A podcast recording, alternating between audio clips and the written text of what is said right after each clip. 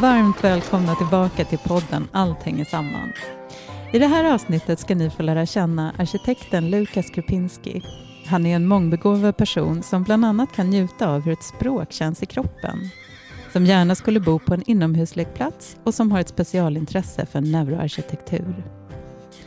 Följ med oss till savannen, till en ICA-butik i Vilhelmina och till barndomens kojbyggen för att reda ut begreppet neuroarkitektur. Vi funderar också på hur det här relativt nya forskningsområdet kan hjälpa oss att utveckla mer kunskap kring hur vi skapar upplevelser av välmående i byggnader. Lukas jobbar på OVL Arkitekter. Han är certifierad som Well AP och bloggar för Sveriges arkitekter. Han har också en egen plattform, Space Around, där du kan läsa mer om neuroarkitektur.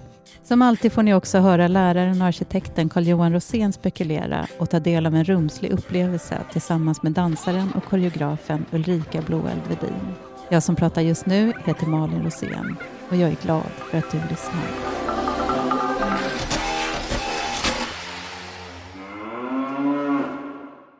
Varmt välkommen Lukas Krupinski.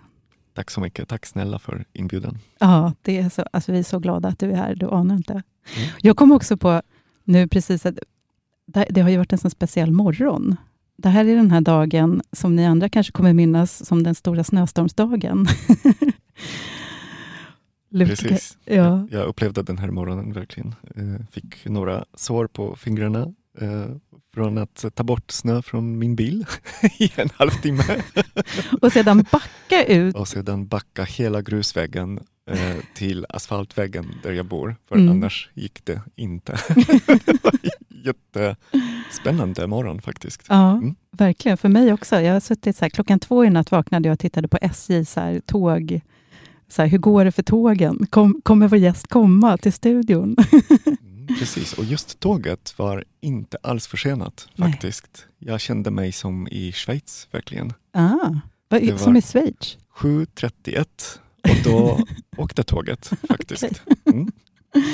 Fantastiskt. Det händer inte, var, inte varje dag, Nej. men just idag när det snöar och blåser så händer det. Mm.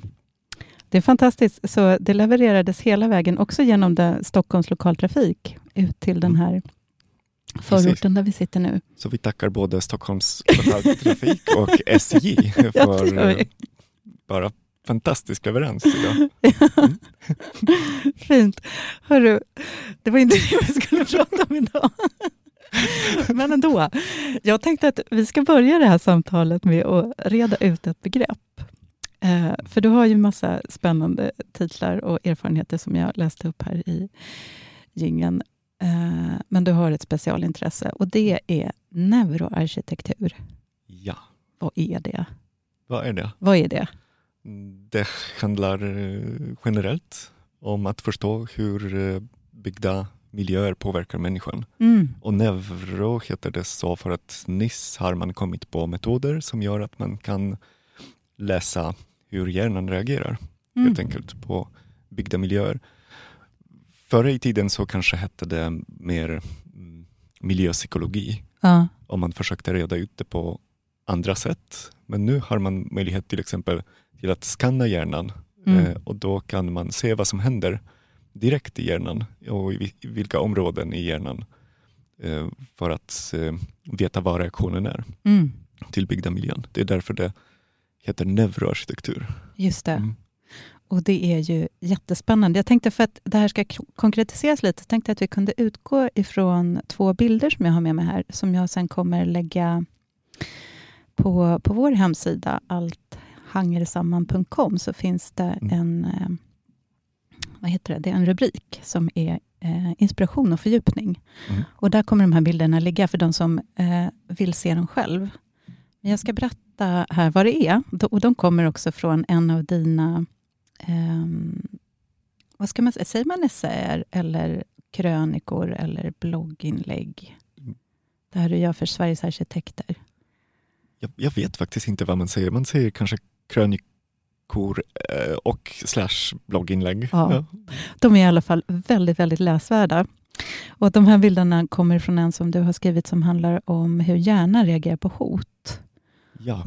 Och på den ena, ska jag, jag tänker, jag, Du kan berätta vad vi ser här förresten. Mm, precis, det är de ja. två bilder, de kommer båda två från Berlin faktiskt. Mm. Uh, en av dem kommer från Judiska museet i Berlin precis. och den andra är en tillfällig installation som är gjord av tejp faktiskt.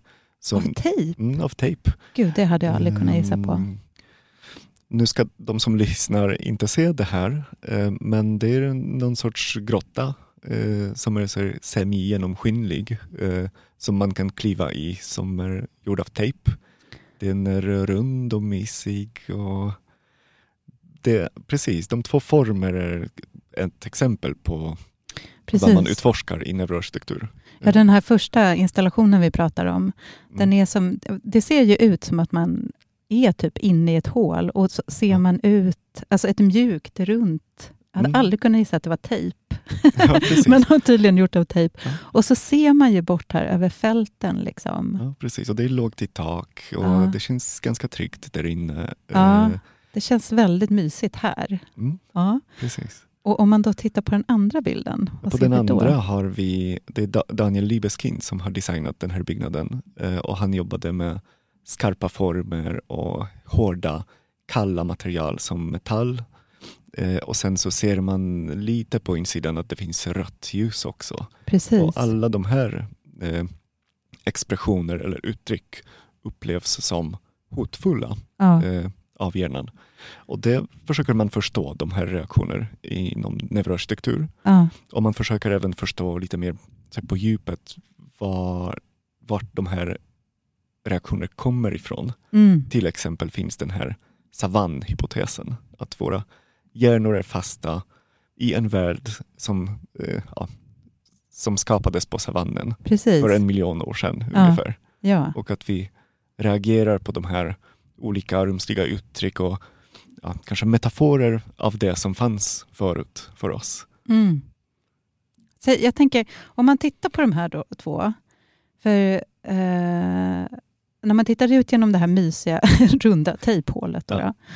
eh, då är det ju precis den här savantteorin egentligen som, som manifesteras i den här byggnationen. För att det är tryggt Precis. och du har utsikt. Mm, exakt. Och Det är lite därför man pratar om savannen, eller hur? Det här, att det är någon sorts liknelse med att man sitter vid ett träd, man är skyddad, man kanske har skugga och man har ändå utsikt. Precis, det, det är ju flera olika faktorer som finns i den här hypotesen och mm. Eh, generellt i neuroarkitektur. Men de två som du nämnde nu är en, två som skapar någon sorts bas också ja. i den här teorin. Det är en balans mellan att vara skyddad och känna att man har utsikt, det kallas för prospect i den ja. här teorin.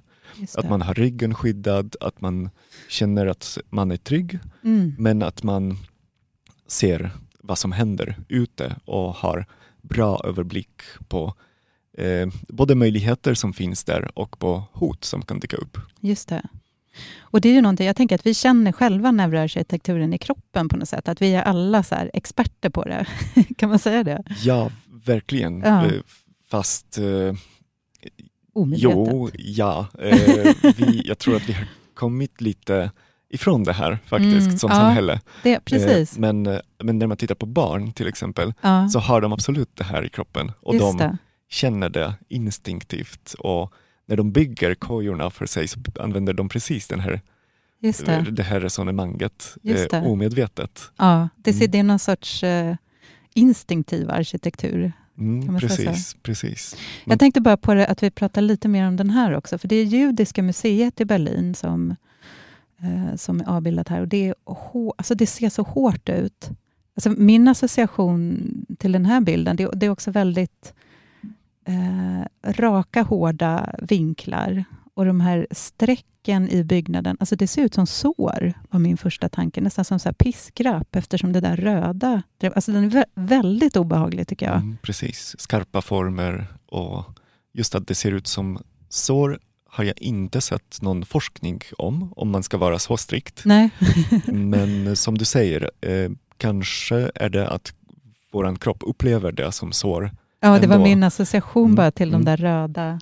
Man pratar ofta eh, i den här världen om det prekognitiva. Mm. När man har väl förstått reaktionen så är det för sent. Ja, precis. och då alla associationer som man har byggt eh, och förstått, de eh, gäller inte längre för neuroarkitekturen. Det. det. är det, det som händer i kroppen som man inte har tänkt på som är viktigt Precis. i den Just här forskningen. Ja, och det är den, den absolut direkta, den första eh, erfarenheten. Den, nästan som den biologiska reaktionen kan man säga. Och, och jag tänker ofta att just kroppen är eh, en dörr till mm. den här världen. Precis. För eh, innan hjärnan hinner tänka ja. upplever kroppen det, det, som vi känner ja. i eh, våra utrymmen. Men kroppen har vi oftast inte så bra kontakt med. Eh, generellt tänker jag på samhälle. Precis.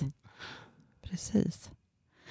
Och det är också, jag tänker att det är mycket där du och jag möts. Alltså att det, eller, och också Ulrika och hela det här projektet egentligen. Mm, varför vi är så intresserade av dig, för att du har den här direkta kroppsliga upplevelsen i fokus.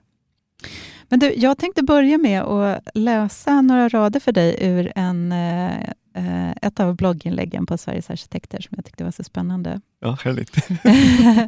Den har rubriken Intuition som designverktyg. Ja. Det här är också ett sätt att få lära känna ja, Lukas lite mer. Ja, den här har du skrivit. 25 februari 2022 blev den publicerad. Jag kommer också länka, lägga ut alla de som man hittar och kan läsa de här texterna själva. kommer finnas där på vår sida. Så här skriver du. Ja. Innan vi blev arkitekter var vi barn. Minns du vad du byggde när du var liten?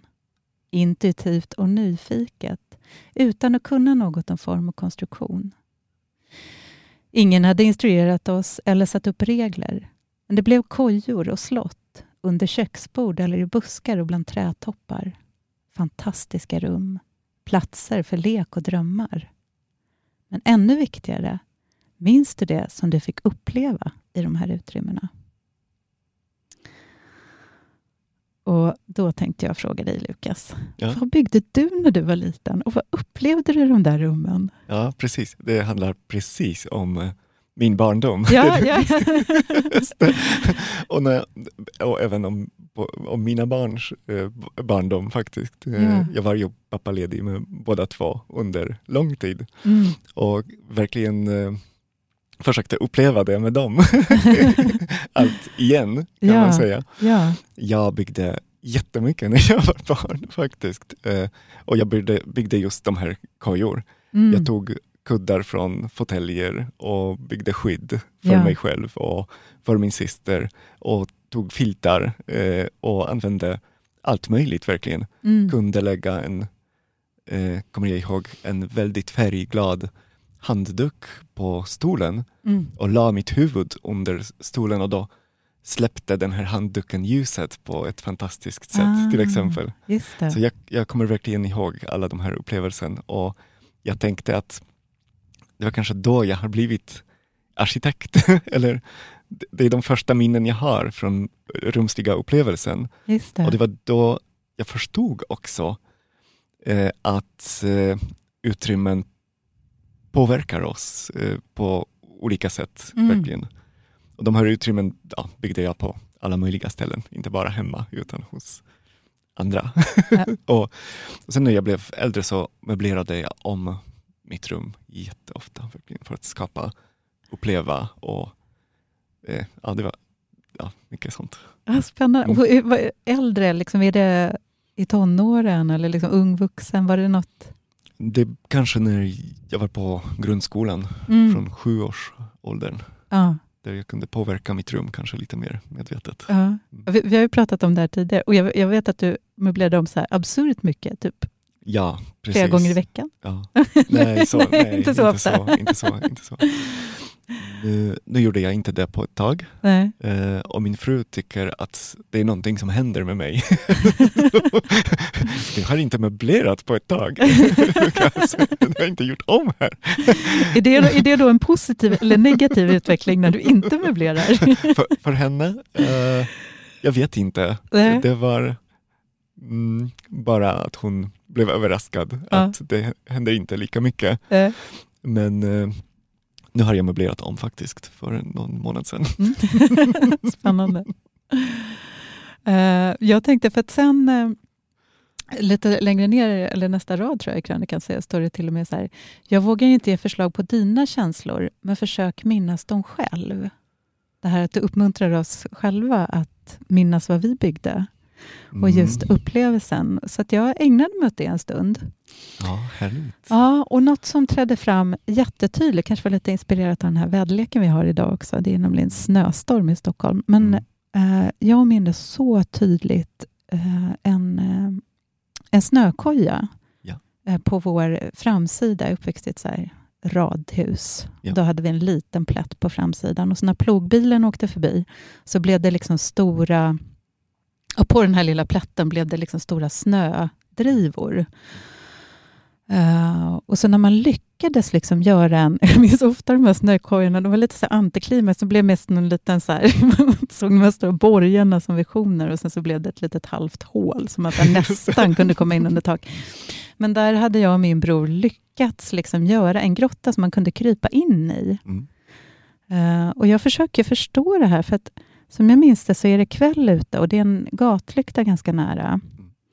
Och så, så att, jag fattar inte om ljuset från den trängde in i snökojan. För jag tycker att det borde varit helt mörkt där nu när jag tänker på det. Men det var det mm, inte. Mm. Eller om jag hade något litet ljus med mig eller något. Men hur som helst så ligger jag där inne och har en sån otrolig... Det är som att det, kroppsminnet av den upplevelsen kan jag liksom få fatt i. Mm. Att det är ett väldigt speciellt ljud där inne. Det är så dämpat och tyst. Precis, liksom. Ja. Och Sen är det också stilla ute, det är mörkt. Jag vet inte om det är så här före middagstid liksom, i december kanske. Så det är, det är en sån enorm, den där lukten av kyla. Mm. Och så, jag är så närvarande i det här utrymmet. Mm. Um, ja. Det var intressant att du kunde um, gräva fram ett sånt uh, minne. Ja. De är så värdefulla, alla de här minnen, för uh, det som vi bygger för oss själva i framtiden. Ja, jag. Men jag, att man kommer ihåg upplevelsen som var positiv. Ja, precis. Mm.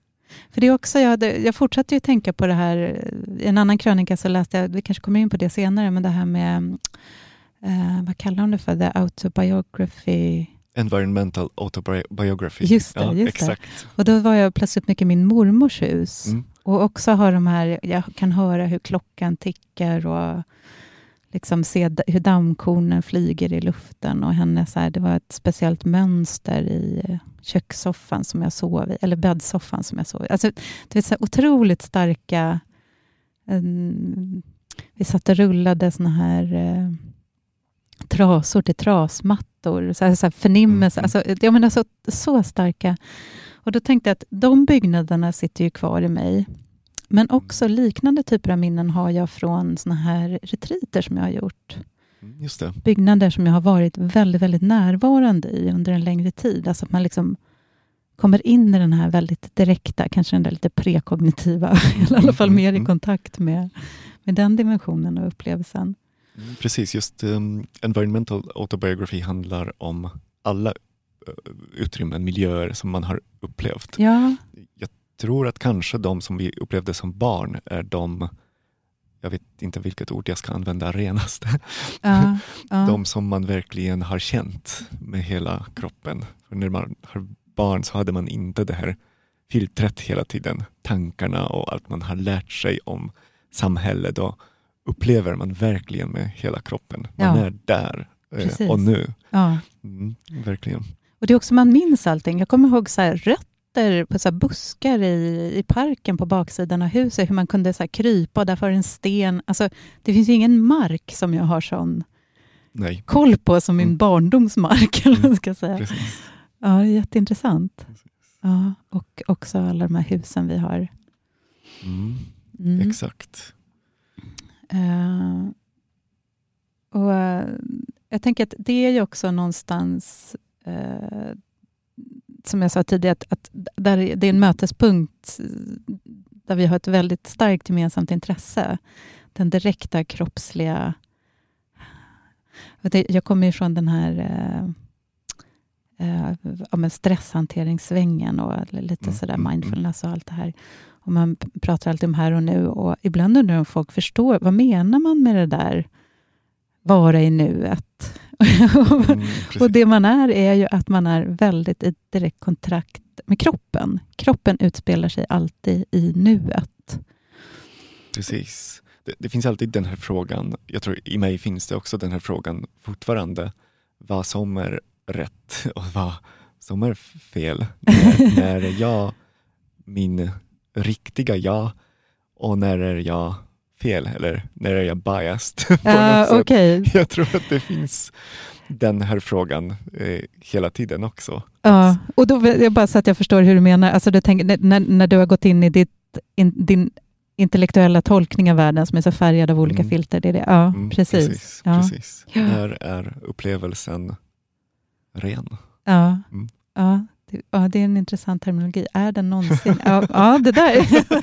jag tror inte att det är vetenskapligt. Men jag, någonting som jag blev så nyfiken på, det är så här, finns det ett språk för det här? För jag tänker i den här buddhistiska världen som jag kommer mycket ifrån och, och också mitt tidigare yrkesliv, så finns det väldigt mycket terminologi för mm. närvaro och upplevelse och sådär. Men har man ett språk för det inom arkitekturen? Finns det liksom termer för det här landlevande däggdjurets upplevelse av byggnaden? Eller är det, är det det som kommer nu med neuroarkitekturen? Precis, det, det, kommer, det börjar skapas. Det mm, beskrivs på olika sätt eh, just nu. Mm. Um, man ser att man börjar komma ifrån um, att beskriva arkitektur med uh, vad rummen uh, består av. Ja. Eh, och istället börjar beskriva arkitektur med verb till exempel.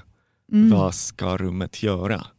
Vad För, kroppen gör i rummet. Ge oss ett exempel på hur det, hur det kan hur Jag har läst en bok eh, nyss som handlade mycket om sådana upplevelser mm. som kommer från savannen förmodligen och då handlade boken om att hoppa, krypa, dansa. Ja. Och det var rum som med olika, det kallas för affordances på engelska. Med, Vad blir det då? Ger möjlighet till mm. att göra det i det här rummet. Mm. Rum som bjuder in till ja, att mm. hoppa och åla och dansa. Mm, Dyka till exempel fanns också. Ah. Men går det att bara ge något exempel? Hur skulle det låta om du skulle beskriva det här rummet? Liksom? Mm, just det. Uh. Um, man skulle kanske säga krypa in, uh. sjunka in. Uh. Jag kommer från Polen, sa vi det? Mm, jag hittar nej, inte svenska ord Nej, jag förstår. Men det är också väldigt, jag tänker så här, om man vill lära känna dig, någonting som jag också tyckte var så himla kul. Hur kommer det sig att man börjar läsa något så apart som svenska? Alltså, för du började bara läsa svenska på ett postuniversitet. För... Ja, det ja. gjorde jag. Ja. Eh, jag tyckte att det var ett fint språk. Ja. Eh, och fick lite nudge från min eh, vän mm. som började med svenska på universitetet där vi pluggade och han hjälpte mig med matte, jag hjälpte honom med svenska för jag var bra på språk alltid. Ja. Och jag tänkte wow, svenska, ett nytt språk, absolut, ska jag lära mig det? Eh, och, och sen fortsatte jag med ja. svenska och åkte på semester till Sverige några gånger. Och jag mm. beskrev det i ett av mina Tänkte bloggartiklar också. Du får inte prata om det än, för det är så himla roligt. min, min favoritstad i Sverige. ja. Mm. ja. Jag tycker bara att det säger så mycket om en person, att man plötsligt bara bestämmer sig för att börja läsa ett helt alltså ett väldigt litet språk Ja, men så uh, fint språk så fint. med så uh. fin melodi och det är också en upplevelse faktiskt. Uh. Att, prata, det, att prata ett språk skapar ett rum runt omkring oss faktiskt. Verkligen. Det där... Som man hör och upplever och den melodin påverkar våra kroppar precis som rummen Ja, det, alltså mitt, mitt liv är mycket roligare så. på engelska till exempel. Jag ja, tycker jag blir så. en annan person när jag pratar engelska. Och det tänker jag att det är för att jag har varit så, alltså, ja. Det är ofta i så roliga sammanhang och man reser och man så här, att det är Du har glömt den här melodin. Du måste komma tillbaka till källan. Malin. Ah. vänta, vänta, nu blev det spännande. Vadå? Glöm det mentala filtret ja, runt ja, ditt okay. språk och börja uppleva melodin istället. Låt språket påverka din kropp. Oj, nu, det här är jag intresserad av. för, nej men för jag tänker att det är lite samma sak med neuroarkitekturen. Att det är så här, när man ger någonting ett språk och det får en form, och Då kan man plötsligt prata om upplevelsen av rummet, om att dyka och krypa och åla igenom dem istället för att kanske prata budgetar och jag vet inte vad man pratar när man ska bygga, men liksom vinklar och vrår och ja, lösningar. Jag tänkte precis föreställa mig om jag hade beskrivit till min kund att man ska åla sig. det, det, är helt rätt som du säger, man pratar budgetar ja. väldigt ofta, ja. jättemycket. Ja. Eh, men upplevelse är jätteviktigt också och för våra kunder också. Mm. Eh, och det känns som att men det är vi arkitekter som framförallt ska stå för det. Mm. Eh, och det, det, är därför jag tänker att neuroarkitektur är så viktigt också. Att den hjälper oss att skapa en upplevelse som är verkligen eh, ja, eh, man säger bevisbaserat. Mm, mm. Evidensbaserat. Evidensbaserat. Ja. ja. Jätteintressant.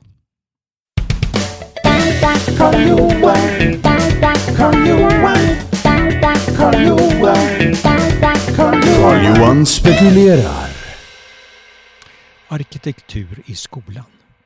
När detta viktiga kunskapsfält ska hanteras finns en självklar utgångspunkt, elevernas egen skolbyggnad. Skolbyggnaden är den byggnad utanför hemmet där eleverna under sin uppväxt tillbringar längst tid. Det är med andra ord en icke oväsentlig faktor för deras utveckling och välbefinnande. Lärare och elever har haft närkontakt med denna byggnad under lång tid och besitter ofta stora oreflekterade erfarenheter av dess funktioner och strukturer. Att då gå in och fundera över varför det ser ut som det gör kan ge upphov till många aha-upplevelser och skapa ökad förståelse för begreppet arkitektur. Trots att alla varit i byggnaden har förmodligen få funderat över rummens ordning, vilka material som används eller vilka tankar och värderingar som materialiserar sig i skolbyggnaden. Men om något avviker, om något är mycket annorlunda, då har man förmodligen noterat detta. Tyvärr är det rätt ovanligt. Men att notera när något är annorlunda, något vi inte förväntar, ger en möjlighet att vi för ett ögonblick lämnar det vanliga och blir närvarande. Att komma den egna skolan nära, ta fram den ur hemmablindheten ger förhoppningsvis eleverna en större förståelse för sin livsmiljö. En fundamental aspekt av arkitekturen handlar om förflyttningar i och omkring det byggda. Arkitektur är utformad för att vi ska kunna röra oss på ett optimalt sätt mellan de olika funktioner som rummen är avsedda för. Här följer några förslag på frågor och några exempel på hur man kan undersöka skolbyggnaden. Hur såg platsen ut innan skolan byggdes och till vad brukades marken tidigare? Hur högt över havet ligger skolan? Var finns norr? Var finns söder? Avstånd till skolan? Eh, från skolan till Stockholm, till Hawaii, till solen etc. När byggdes skolan? Var ligger närmsta skog? Var ligger närmsta sjö? Har den byggts till vid något tillfälle? Om vi bortser från elevernas kroppar, belysningen, alla datorer och solen, vad finns det då som värmer byggnaden? Varifrån kommer det som värmer? Var brinner elden? Vattnet i skolan, varifrån kommer det? Och var tas vattnet in i skolan och vart tar det vägen sedan? Var renas avloppsvattnet? Elen. Var i byggnaden finns inkopplingar till det stora elnätet? Har skolan solceller på taken? Och om inte, varför? Var tas luften in i skolan? Hur renas luften och var? Låt eleverna med hjälp av enkla ritningskopior göra en skolbyggnadsorientering. Ställ frågor vid kontrollerna som berör funktioner, material etc. Gör en guidad tur genom skolan och besök för eleverna okända delar, eventuella vindar, källare, skyddsrum, lärarrum, rektorns rum etc. Gör en sinnlighetsanalys av byggnaden. Vad sker när ljuset stängs av? Finns helt mörka rum? Från hur många håll kommer ljusen in, ljuset in i rummen? Notera speciella ljusförhållanden. Lyssna er igenom byggnaden. Var är det tyst? Var låter det vackert när man sjunger? Var låter det vackert när man spelar flöjt? Finns det eko någonstans? Hur låter ytterdörren när den går igen? Notera märkliga ljudmiljöer. Lukta på skolan. Låt näsan leda er genom rummen och notera vad det luktar gott och motsatsen. Vilka associationer ger skolans olika dofter? Gör en taktil avkänning av skolans ytskikt, strävt, mjukt, lent etc. Vid en sinnlig undersökning kan den lustfyllda metoden två leder den tredje användas. Den tredje har sina ögon täckta. Dansa långdans genom skolan. Pröva att följa Jonna. En sinnlighetsundersökning kan utmynna i en karta över sinnliga kvaliteter. Tänkbara informationskällor. En flygbild över skolan med omgivningar från Google Maps. En bild från ovan visar skolans relation till annan bebyggelse, till gatunätets mönster, till skogen etc. Låt eleverna rita sin egen skolväg på en översiktskarta. Hembygdsföreningen har ofta kunniga medlemmar och via dessa kan eventuella foton spåras. Dessa föreningar kan vara ypperliga kunskapskällor eftersom många medlemmar är starkt engagerade i sin närmiljö. Tidigare elever eller lärare kan kanske berätta, har kanske berättelser av intresse. Skolans arkiv och kommunens arkiv kan ha intressanta, intressant information. Lokaltidningar har ofta arkiv som går att utforska. Och så vidare och så vidare. Det var det. Jag kom på ett eh, begrepp som i mitt huvud sammanfattar det som Carl Johan pratade om. Ja, som berätta. heter um, kognitiv eller, eller båda två begreppen, kognitiv och sensorisk kartläggning. Mm, faktiskt. ja, Eh, Det är ett verktyg som man jobbar med inom neurosstruktur. okej. Och försöka kartlägga alla känslor och tankar och fenomen som händer i oss i byggnader. Ja, faktiskt. Och komma till, på det sättet komma till det prekognitiva. Öppna upp eh, våra kroppar till upplevelse. Glömma gamla tankebanor och öppna för upplevelse. mm. Mm. Hur använder man det här? jag? Eh, det kan man eh, använda eh, precis som alla andra verktyg under projektets gång, tänker jag. Eh, när man eh, planerar för eh, upplevelse under projektets gång Mm. eh, så kan man eh, man kan ju till exempel gå med målgruppen för Mm. huset och kartlägga det tillsammans. Eller när man har förstått vad man ska skapa för upplevelse så kan man göra det på ett mer vetenskapligt sätt. Bas basera det här på kunskap som man själv ha har. Mm, mm. Och till exempel i planlösning lägga de här olika eh, taktilitet till exempel och ljus och Mm. allt som man ska uppleva. faktiskt. Men är det här vanligt? Använder man det? Jag tänker så här, går man runt med en, man ska bygga en förskola, får förskolebarnen liksom... Mm. Eh, Jag jobbar inte själv med förskolor, men jag tror att de som jobbar just med förskolor och skolor kanske jobbar på det sättet. Ja, Eh, För det är ju ganska, eller mer vanligt eh, när man fokuserar på barn och barnmiljöer att jobba på det sättet och skapa någonting som känns bra. ja just det. Det är ju nästan intressantare. Ja, men det här när man skapar ett kontor. Eh, På kontor tänker man inte jätteofta på det här faktiskt. Ja, jag tänkte att det hade varit en skön utmaning överhuvudtaget att jobba lite mer på kontorssidan med Mm. både det och till exempel eh, NPF-anpassning på kontoret som är inte utforskat på det sättet som det är på skolan och förskolan. Ja, ja, vad intressant. Det, nu slås jag genast av en tanke. Undrar om det här har med det här att barnen är ju så mycket mer närvarande, att vi på något sätt vet att de är det och tänker att barnen behöver det här och det här. Men, det, men vi kan liksom inte riktigt komma på att vi behöver det här. och det här. Nej, jag, jag, jag tänker eh, att vi, vi tänker kanske ofta att vuxna är så här seriösa också. Mm, Att eh, med barn och barnmiljöer kan man experimentera lite mer. Man är inte Ja, så rädd det. att man gör någonting som eh, jag vet inte, avslöjar någon del av personlighet som vi vill inte avslöja på vuxna. Nej, just det. Det är som att man får inte liksom riktigt leva ut sin, ja, sin mest dansanta och lekfulla sida, ja. får inte riktigt plats men, i Det är bara min tanke. Eh, det börjar bli eh, mer och mer lekfullt på kontoret också. Ja. Man vill, har jag jobbat med flera eh, kontor där man vill till exempel träna ja. eller ha någonting kul och lekfullt. Mm. Så det börjar komma. Mm. Men det är inte utforskat eh, på det sättet, Nej. tror jag, som Nej. på skolan.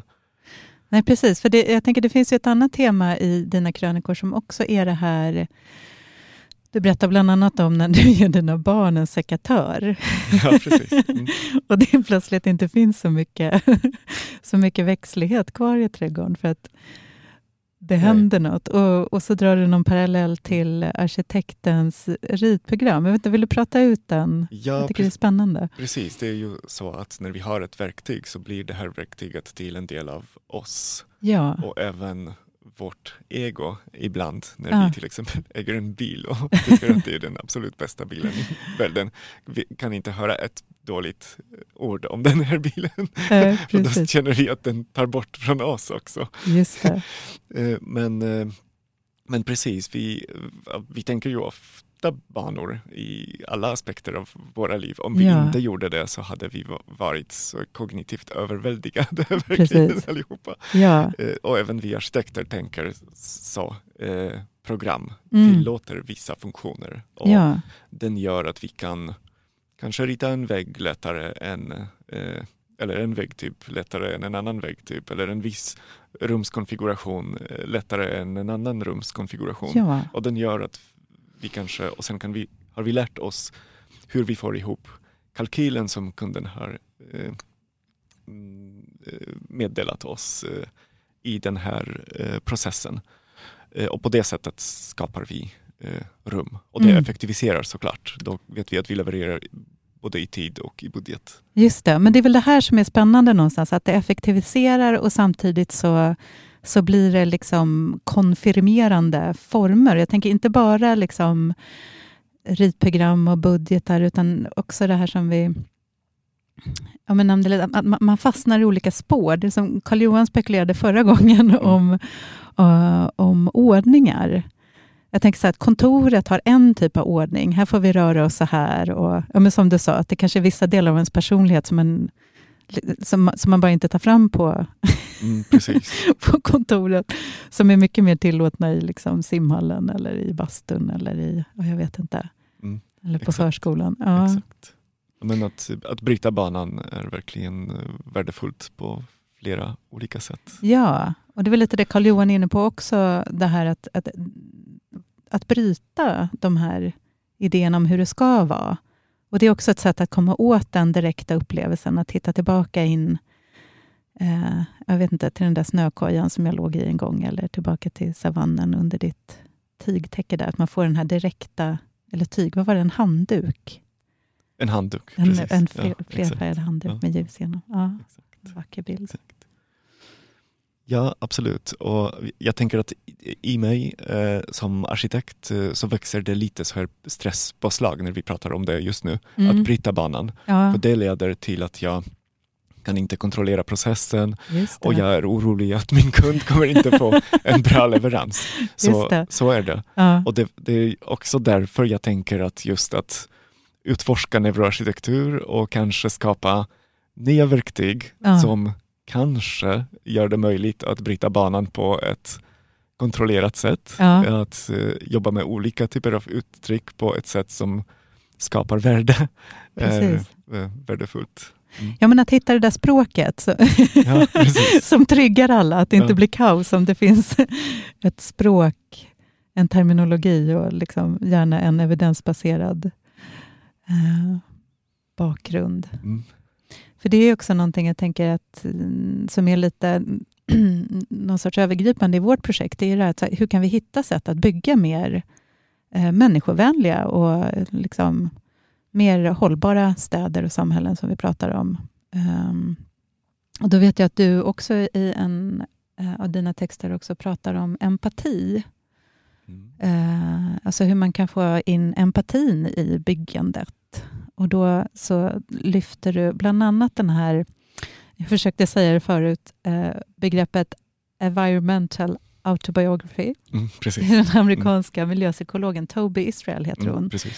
Eh, som en, en möjlighet att, eh, ja, att föra in, att ha en ökad förståelse för det, ett sätt att föra in mer empati i byggnader. Förstår jag dig rätt? Ja, ja, precis. Och jag tänker att det finns flera olika sätt att bygga empatin. Ja. Det är både att jobba med sin egen empati helt enkelt, och väldigt generellt i livet. Och öppna upp kanske för sina egna känslor. Du vet, eh, self-compassion till ja. exempel, som leder till det verkligen, som bara i livet.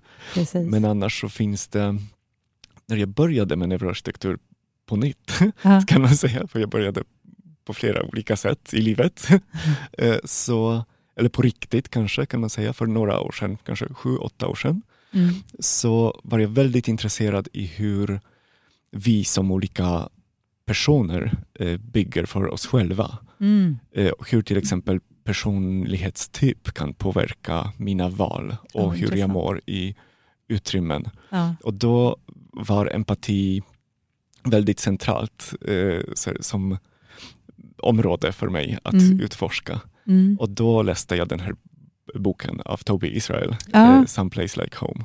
Och hon beskrev just, eh, hon har ett verktyg som bygger på eh, coachning faktiskt. Mm. Att man pratar med kunden, till mm. exempel om man vill rita ett privathus åt någon. Ja. Och genom de här samtalen och de olika verktygen som hon har definierat, till exempel att titta på, auto, eh, på environmental autobiography, så Eh, så bygger man förståelse, eller på det sättet bygger empatin kanske för kunden, förstår kundens liv, den här personen och personens upplevelse. Ja, mm. vi ska prata ut det begreppet. För att mm, jag, mm. Du, har ju, du beskriver själv det i relation till ett så tickande övergångsställe i Vilhelmina. Ja, som exempel på en upplevelse av... jag, jag gick faktiskt på hennes workshop.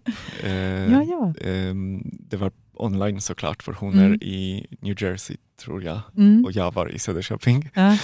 eh, och vi gick igenom det här med henne faktiskt. Vi gjorde hela här, den här processen för mig. Ja, vad spännande. Det var riktigt spännande.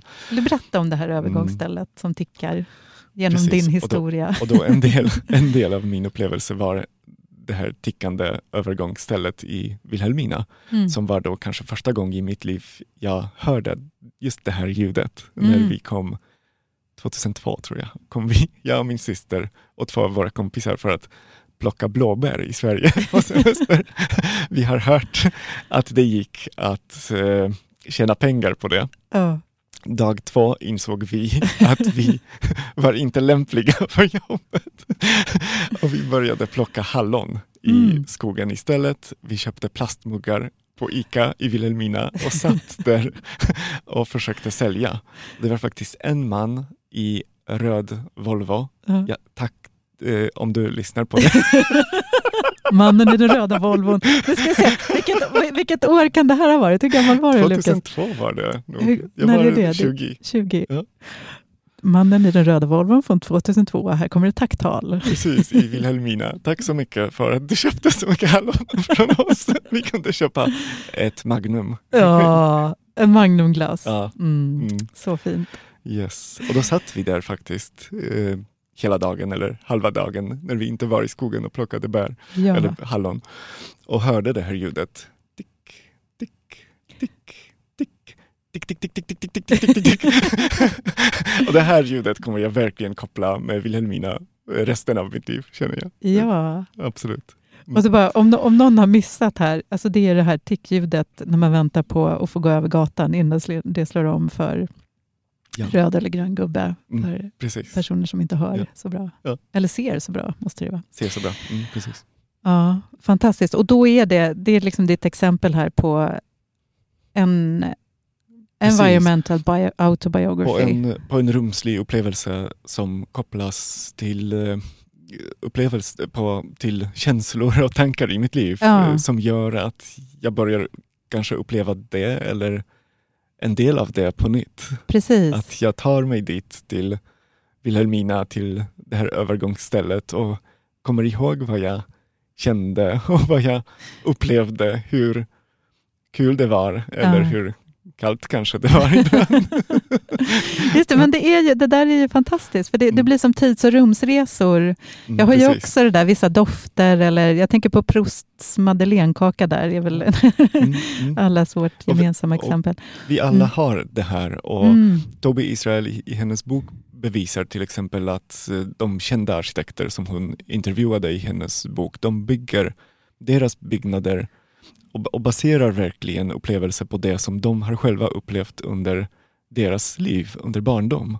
Just det. Det är väldigt intressant. Så att det sätter sig liksom omedvetet någonstans och så Absolut. bygger och, man utifrån. Och jag tror att vi alla har det i oss, verkligen. Att vi på något sätt så skapar det tryggheten i oss. Det var de platser som vi kände oss trygga i när mm. vi var barn, de positiva upplevelsen. Just det. Mm. Ja, det är ju jättefascinerande. Görs det sådana det här måste ju finnas. Alltså jag kommer ju inte från arkitekturvärlden, men finns mm. det liksom, gör man så här psykoanalyser av arkitekter genom att titta på deras byggnader? Det är så här som man gör med författare inom Psykoanalyser vet jag inte.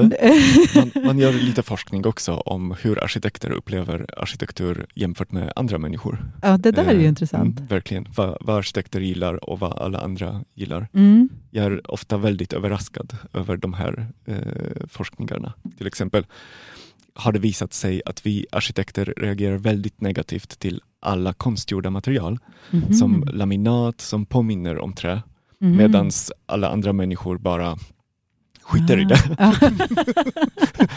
ja, just det. Ja, vad vi, intressant. Mm, att vi uppmärksammar mycket mer. Ja. Mm. Men, men där känns det som någon sån här eh, eh, folklig grej. Jag tänker på de här arkitekturuppropet, eller vad det heter. Alltså det här att man är någon sorts eh, gemene man som kan vara rätt arg på arkitekter mm. generellt. Ja, eh, Precis, och jag, jag följer inte just den här rörelsen. Nej. Jag vet bara att det handlar om äldre byggnader. Mm. Och jag, ja, jag vet inte om jag ska kommentera. Nej, det, det, det skiter vi i. Ja. Nej, men jag bara tänkte på att det, det är ju intressant det där, alltså, och, och, att det kanske också har med de här eh, för jag mm. tänker som eh, att det har med våra rumsliga, auto, våra mm, rumsliga ja. biografier att göra. Liksom. Så för som arkitekt så har det ju säkert på något sätt cirkulerat i andra rumsliga världar eller varit mm. väldigt intresserad av dina rumsliga världar och kanske ja. har andra ingångar i det än oss. Jag tänker att eh, den diskussionen eh, mellan nya och gamla byggnader eller gamla och nya uttryck, mm. den är väldigt komplex och den har flera olika lager. Mm. Men jag tror att neuroarkitektur leder till någon lösning som oavsett vilken stil man bygger i skapar en bra miljö helt enkelt för människan. Och det är det. det som borde vara viktigt, ja. tänker jag. Mm. Och Det är så spännande, för det som att, jag tänker också på det här med, med empati och medkänsla och sådana saker, för den tänker jag också grundar sig väldigt mycket i att vi alla är den här människan. Vi är alla det här landlevande däggdjuret som cirkulerar på en planet i universum Ingen vet riktigt varför, vi har massa olika teorier. Precis. Men vi vet att vi alla ska dö och vi ska åldras. Alltså, det är lite brutalt, det här att vara människa. Och att det finns någon sorts grundläggande empati i det. Ja. Och det är den varelsen som, som kommer där, som hänger runt på savannen och känner sig trygg under ett träd. Alltså att det är den som neuroarkitekturen på något sätt pratar ja, med. Precis, det, det, mm. det handlar både om det eh, som du berättar om nu, eh, det prekognitiva som vi alla upplever mm. likadant eller nästan likadant. Men det kan handla också om det mer privata när vi börjar se Precis. människan mer på djupet. Hur olika typer av människor till exempel upplever olika utrymmen. Och då går man lite djupare i till exempel mm. Eh, environmental autobiography för att förstå. Och då börjar man koppla också det prekognitiva med det kognitiva för att skapa en helhet. Just det. Mm. Ja, och det tänker jag också, det måste vara så, just det här att det är så komplext. Man förstår ju att om man ska bygga en villa för en person, så kan man gå in väldigt mycket i den upplevelsen. Men om vi bygger offentliga byggnader, för det måste vara så många olika Precis. komponenter. Och då, och då, kan man titta även på det kognitiva eh, för en grupp människor mm. och, och, använda sig av olika verktyg för att eh, till exempel eh, ha en dialog med dem. Ja. Och, så att de får berätta vilken typ av upplevelse de vill skapa och hur den här upplevelsen skapas för dem. Just så det är det. både, man kallar det för eh, bottom-up eller top-down processing Ja, i ja. hjärnan, eller thinking fast and slow. Mm. Eh, att vi ibland tänker väldigt fort och upplever ver- verkligen det som kroppen ofiltrerat eh, upplever och det kallas för bottom down och top eh, eh, bottom down. nu blev jag själv förvirrad. Bottom up. Så. Ja. Precis. Och top down är det som vi upplever filtrerat med våra tankar Just och det, det. som vi redan känner till. Mm. Ja, det där är jätteintressant. Jag tänker på Ja. kulturella skillnader också.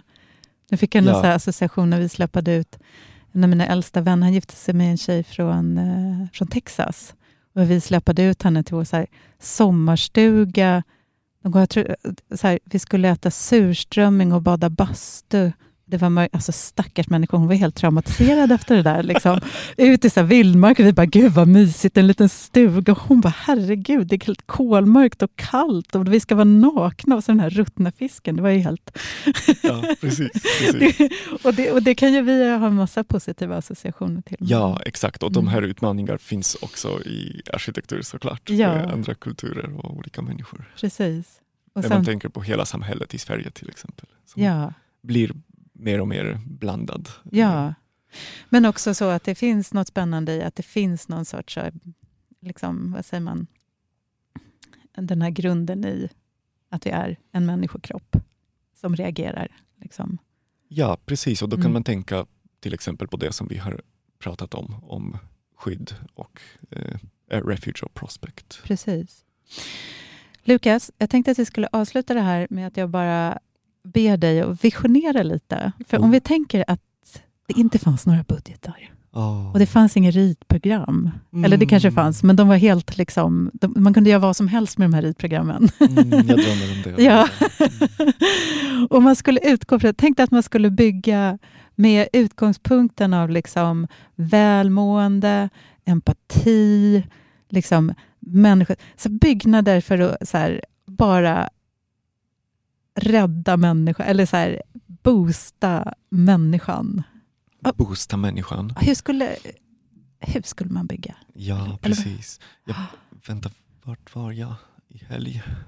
Eh, vi var på något väldigt trevligt plats, väldigt trevlig plats där jag tänkte, ja men här skulle jag kunna bo. Ja, jag vet, det var en inomhuslekplats, Ja, jättestor i Norrköping. Och det är upp till 12 års ålder faktiskt. Men jag klev in och jag bara bussade runt med mina barn. mm. Och jag kände, här skulle jag kunna bo, verkligen. Det aktiverar så många av mina sinnen Mm. och påverkar min kropp på så lekfullt och fantastiskt sätt. Det Mm. tyckte jag var helt magiskt, verkligen. Ja, Bussigt och roligt. tänk vi kanske har lösningen redan där. Vi ska bara bygga mer lekplatser. Vi kan ju Ja. allt. Det tror jag inte. Men, Nej, okej eh, men eh, det är en typ av utrymme som jag tror att vi vuxna saknar. Mm. Eh, som skulle kunna komplettera det som vi redan har. Mm. Eh, nu, jag, jag kan faktiskt inte uttala mig så mycket i den här frågan som du har ställt. För jag tror att den frågan är egentligen inte till arkitekter, utan den frågan är till folk som vet hur man bygger välmående Ah, i samhället.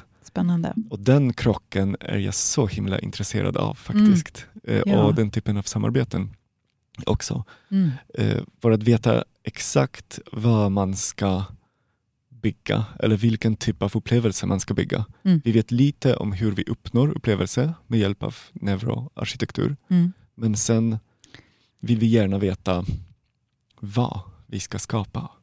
Hur en stad ska se ut. precis. Det finns lite teorier om det, absolut, Ja. som jag vet om också. Mm, man pratar jättemycket om biofili till exempel. Om att man ska följa naturens regler. Mm. Det, eh, shelter and prospect ingår i den här teorin också. Man Mm. pratar också om eh, komplexitet, om en lekfull fara till exempel. Ja, ja. Eh, om balans mellan det sociala och det privata. ja. Om eh, själva naturen som ska omge oss, där vi ska må bra. Eh, den främjar för återhämtning, för kreativitet. Det finns olika funktioner som vi kan också främja mm. för med eh, de olika verktygen ja. som kommer från forskning.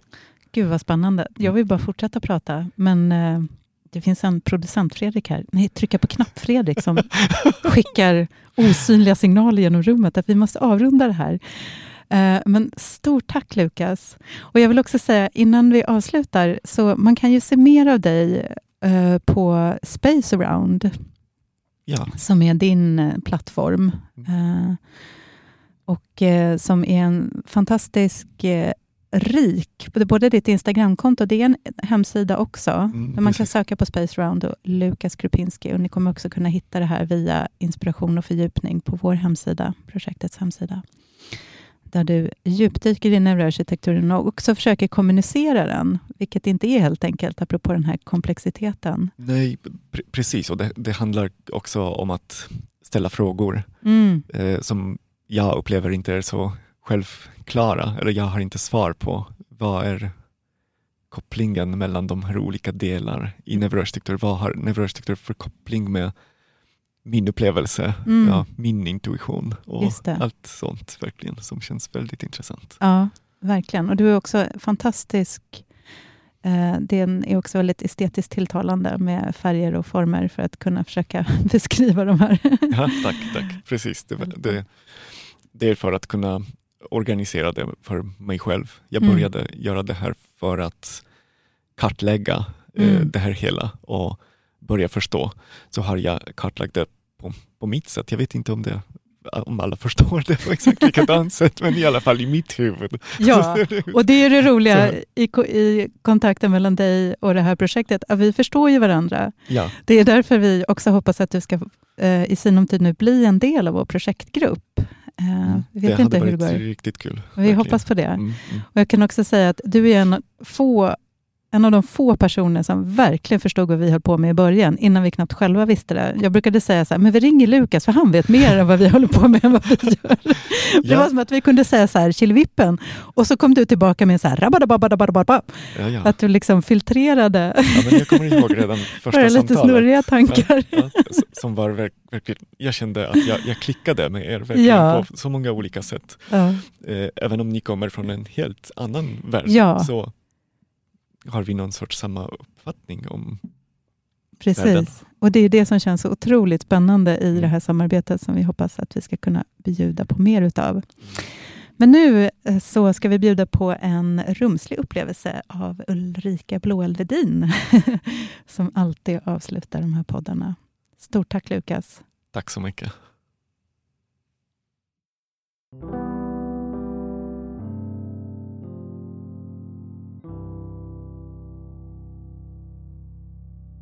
Hålrum, mellanrum, korridor, passage. Nyckelben, skulderblad, höft vid sidan av. Underifrån, ovan, mittpunkt, toppen av din gässa. Hålfot, valv, ryggslut, entré. Springa, avbrott, nisch, alkov. Hjärta, hålrum, andas ut, om igen. Allt i kroppen hänger samman. Vilken sensationell komposition. En komplex konstruktion där varje vinkel är av betydelse och helt avgörande. Kroppen som vårt första rum. En kropp som fungerar. En kropp som inte fungerar hela vår varelse med miljontals processer som pågår från dag till dag, förändras, utvecklas, stannar av, går baklänges, hittar fram igen. Kroppen, det första rummet, det allra viktigaste. Kom så ställer vi oss upp. Om du inte kan stå, sitt ned. Och om du inte kan sitta ner, ligg ner. Låt oss ta oss till några av kroppens mindre rum och om du vill kan du blunda. Låt hela medvetandet falla ned i hålfoten.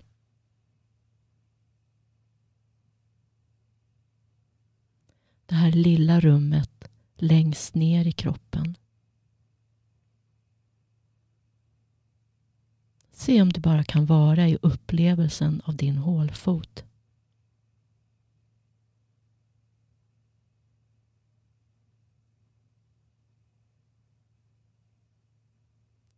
Och så fortsätter vi uppåt till bäckenet. Rummet som förbinder överkropp med underkropp. Och se om vi bara kan vara med hela vårt medvetande i bäckenet. Ett rum i form av en skål.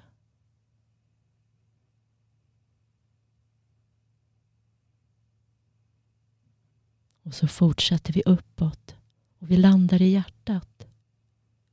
Vi letar oss in i rummet bakom bröstkorgen mellan lungorna. Där bor hjärtat.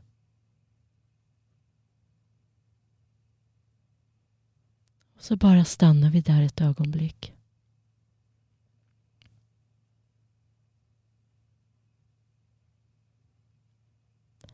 Och vi fortsätter ännu en bit uppåt. Och vi hamnar i gommen. Se om vi kan känna volymen och rymden i gommen.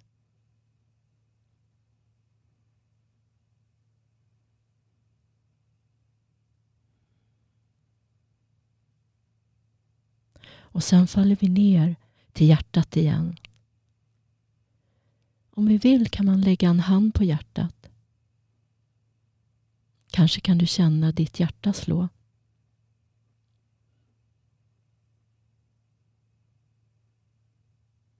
Det fantastiska hjärtat som inte ger upp utan håller oss levande dag som natt. Vi kan kanske till och med uppleva ett djupare hjärta, ett större hjärta. Det där stora hjärtat som har kontakt med andra människor och varelser. Mänsklighetens hjärta och medkänsla. Hjärtat som obekräftat bara vet att vi alla hör ihop. Att allt hänger samman.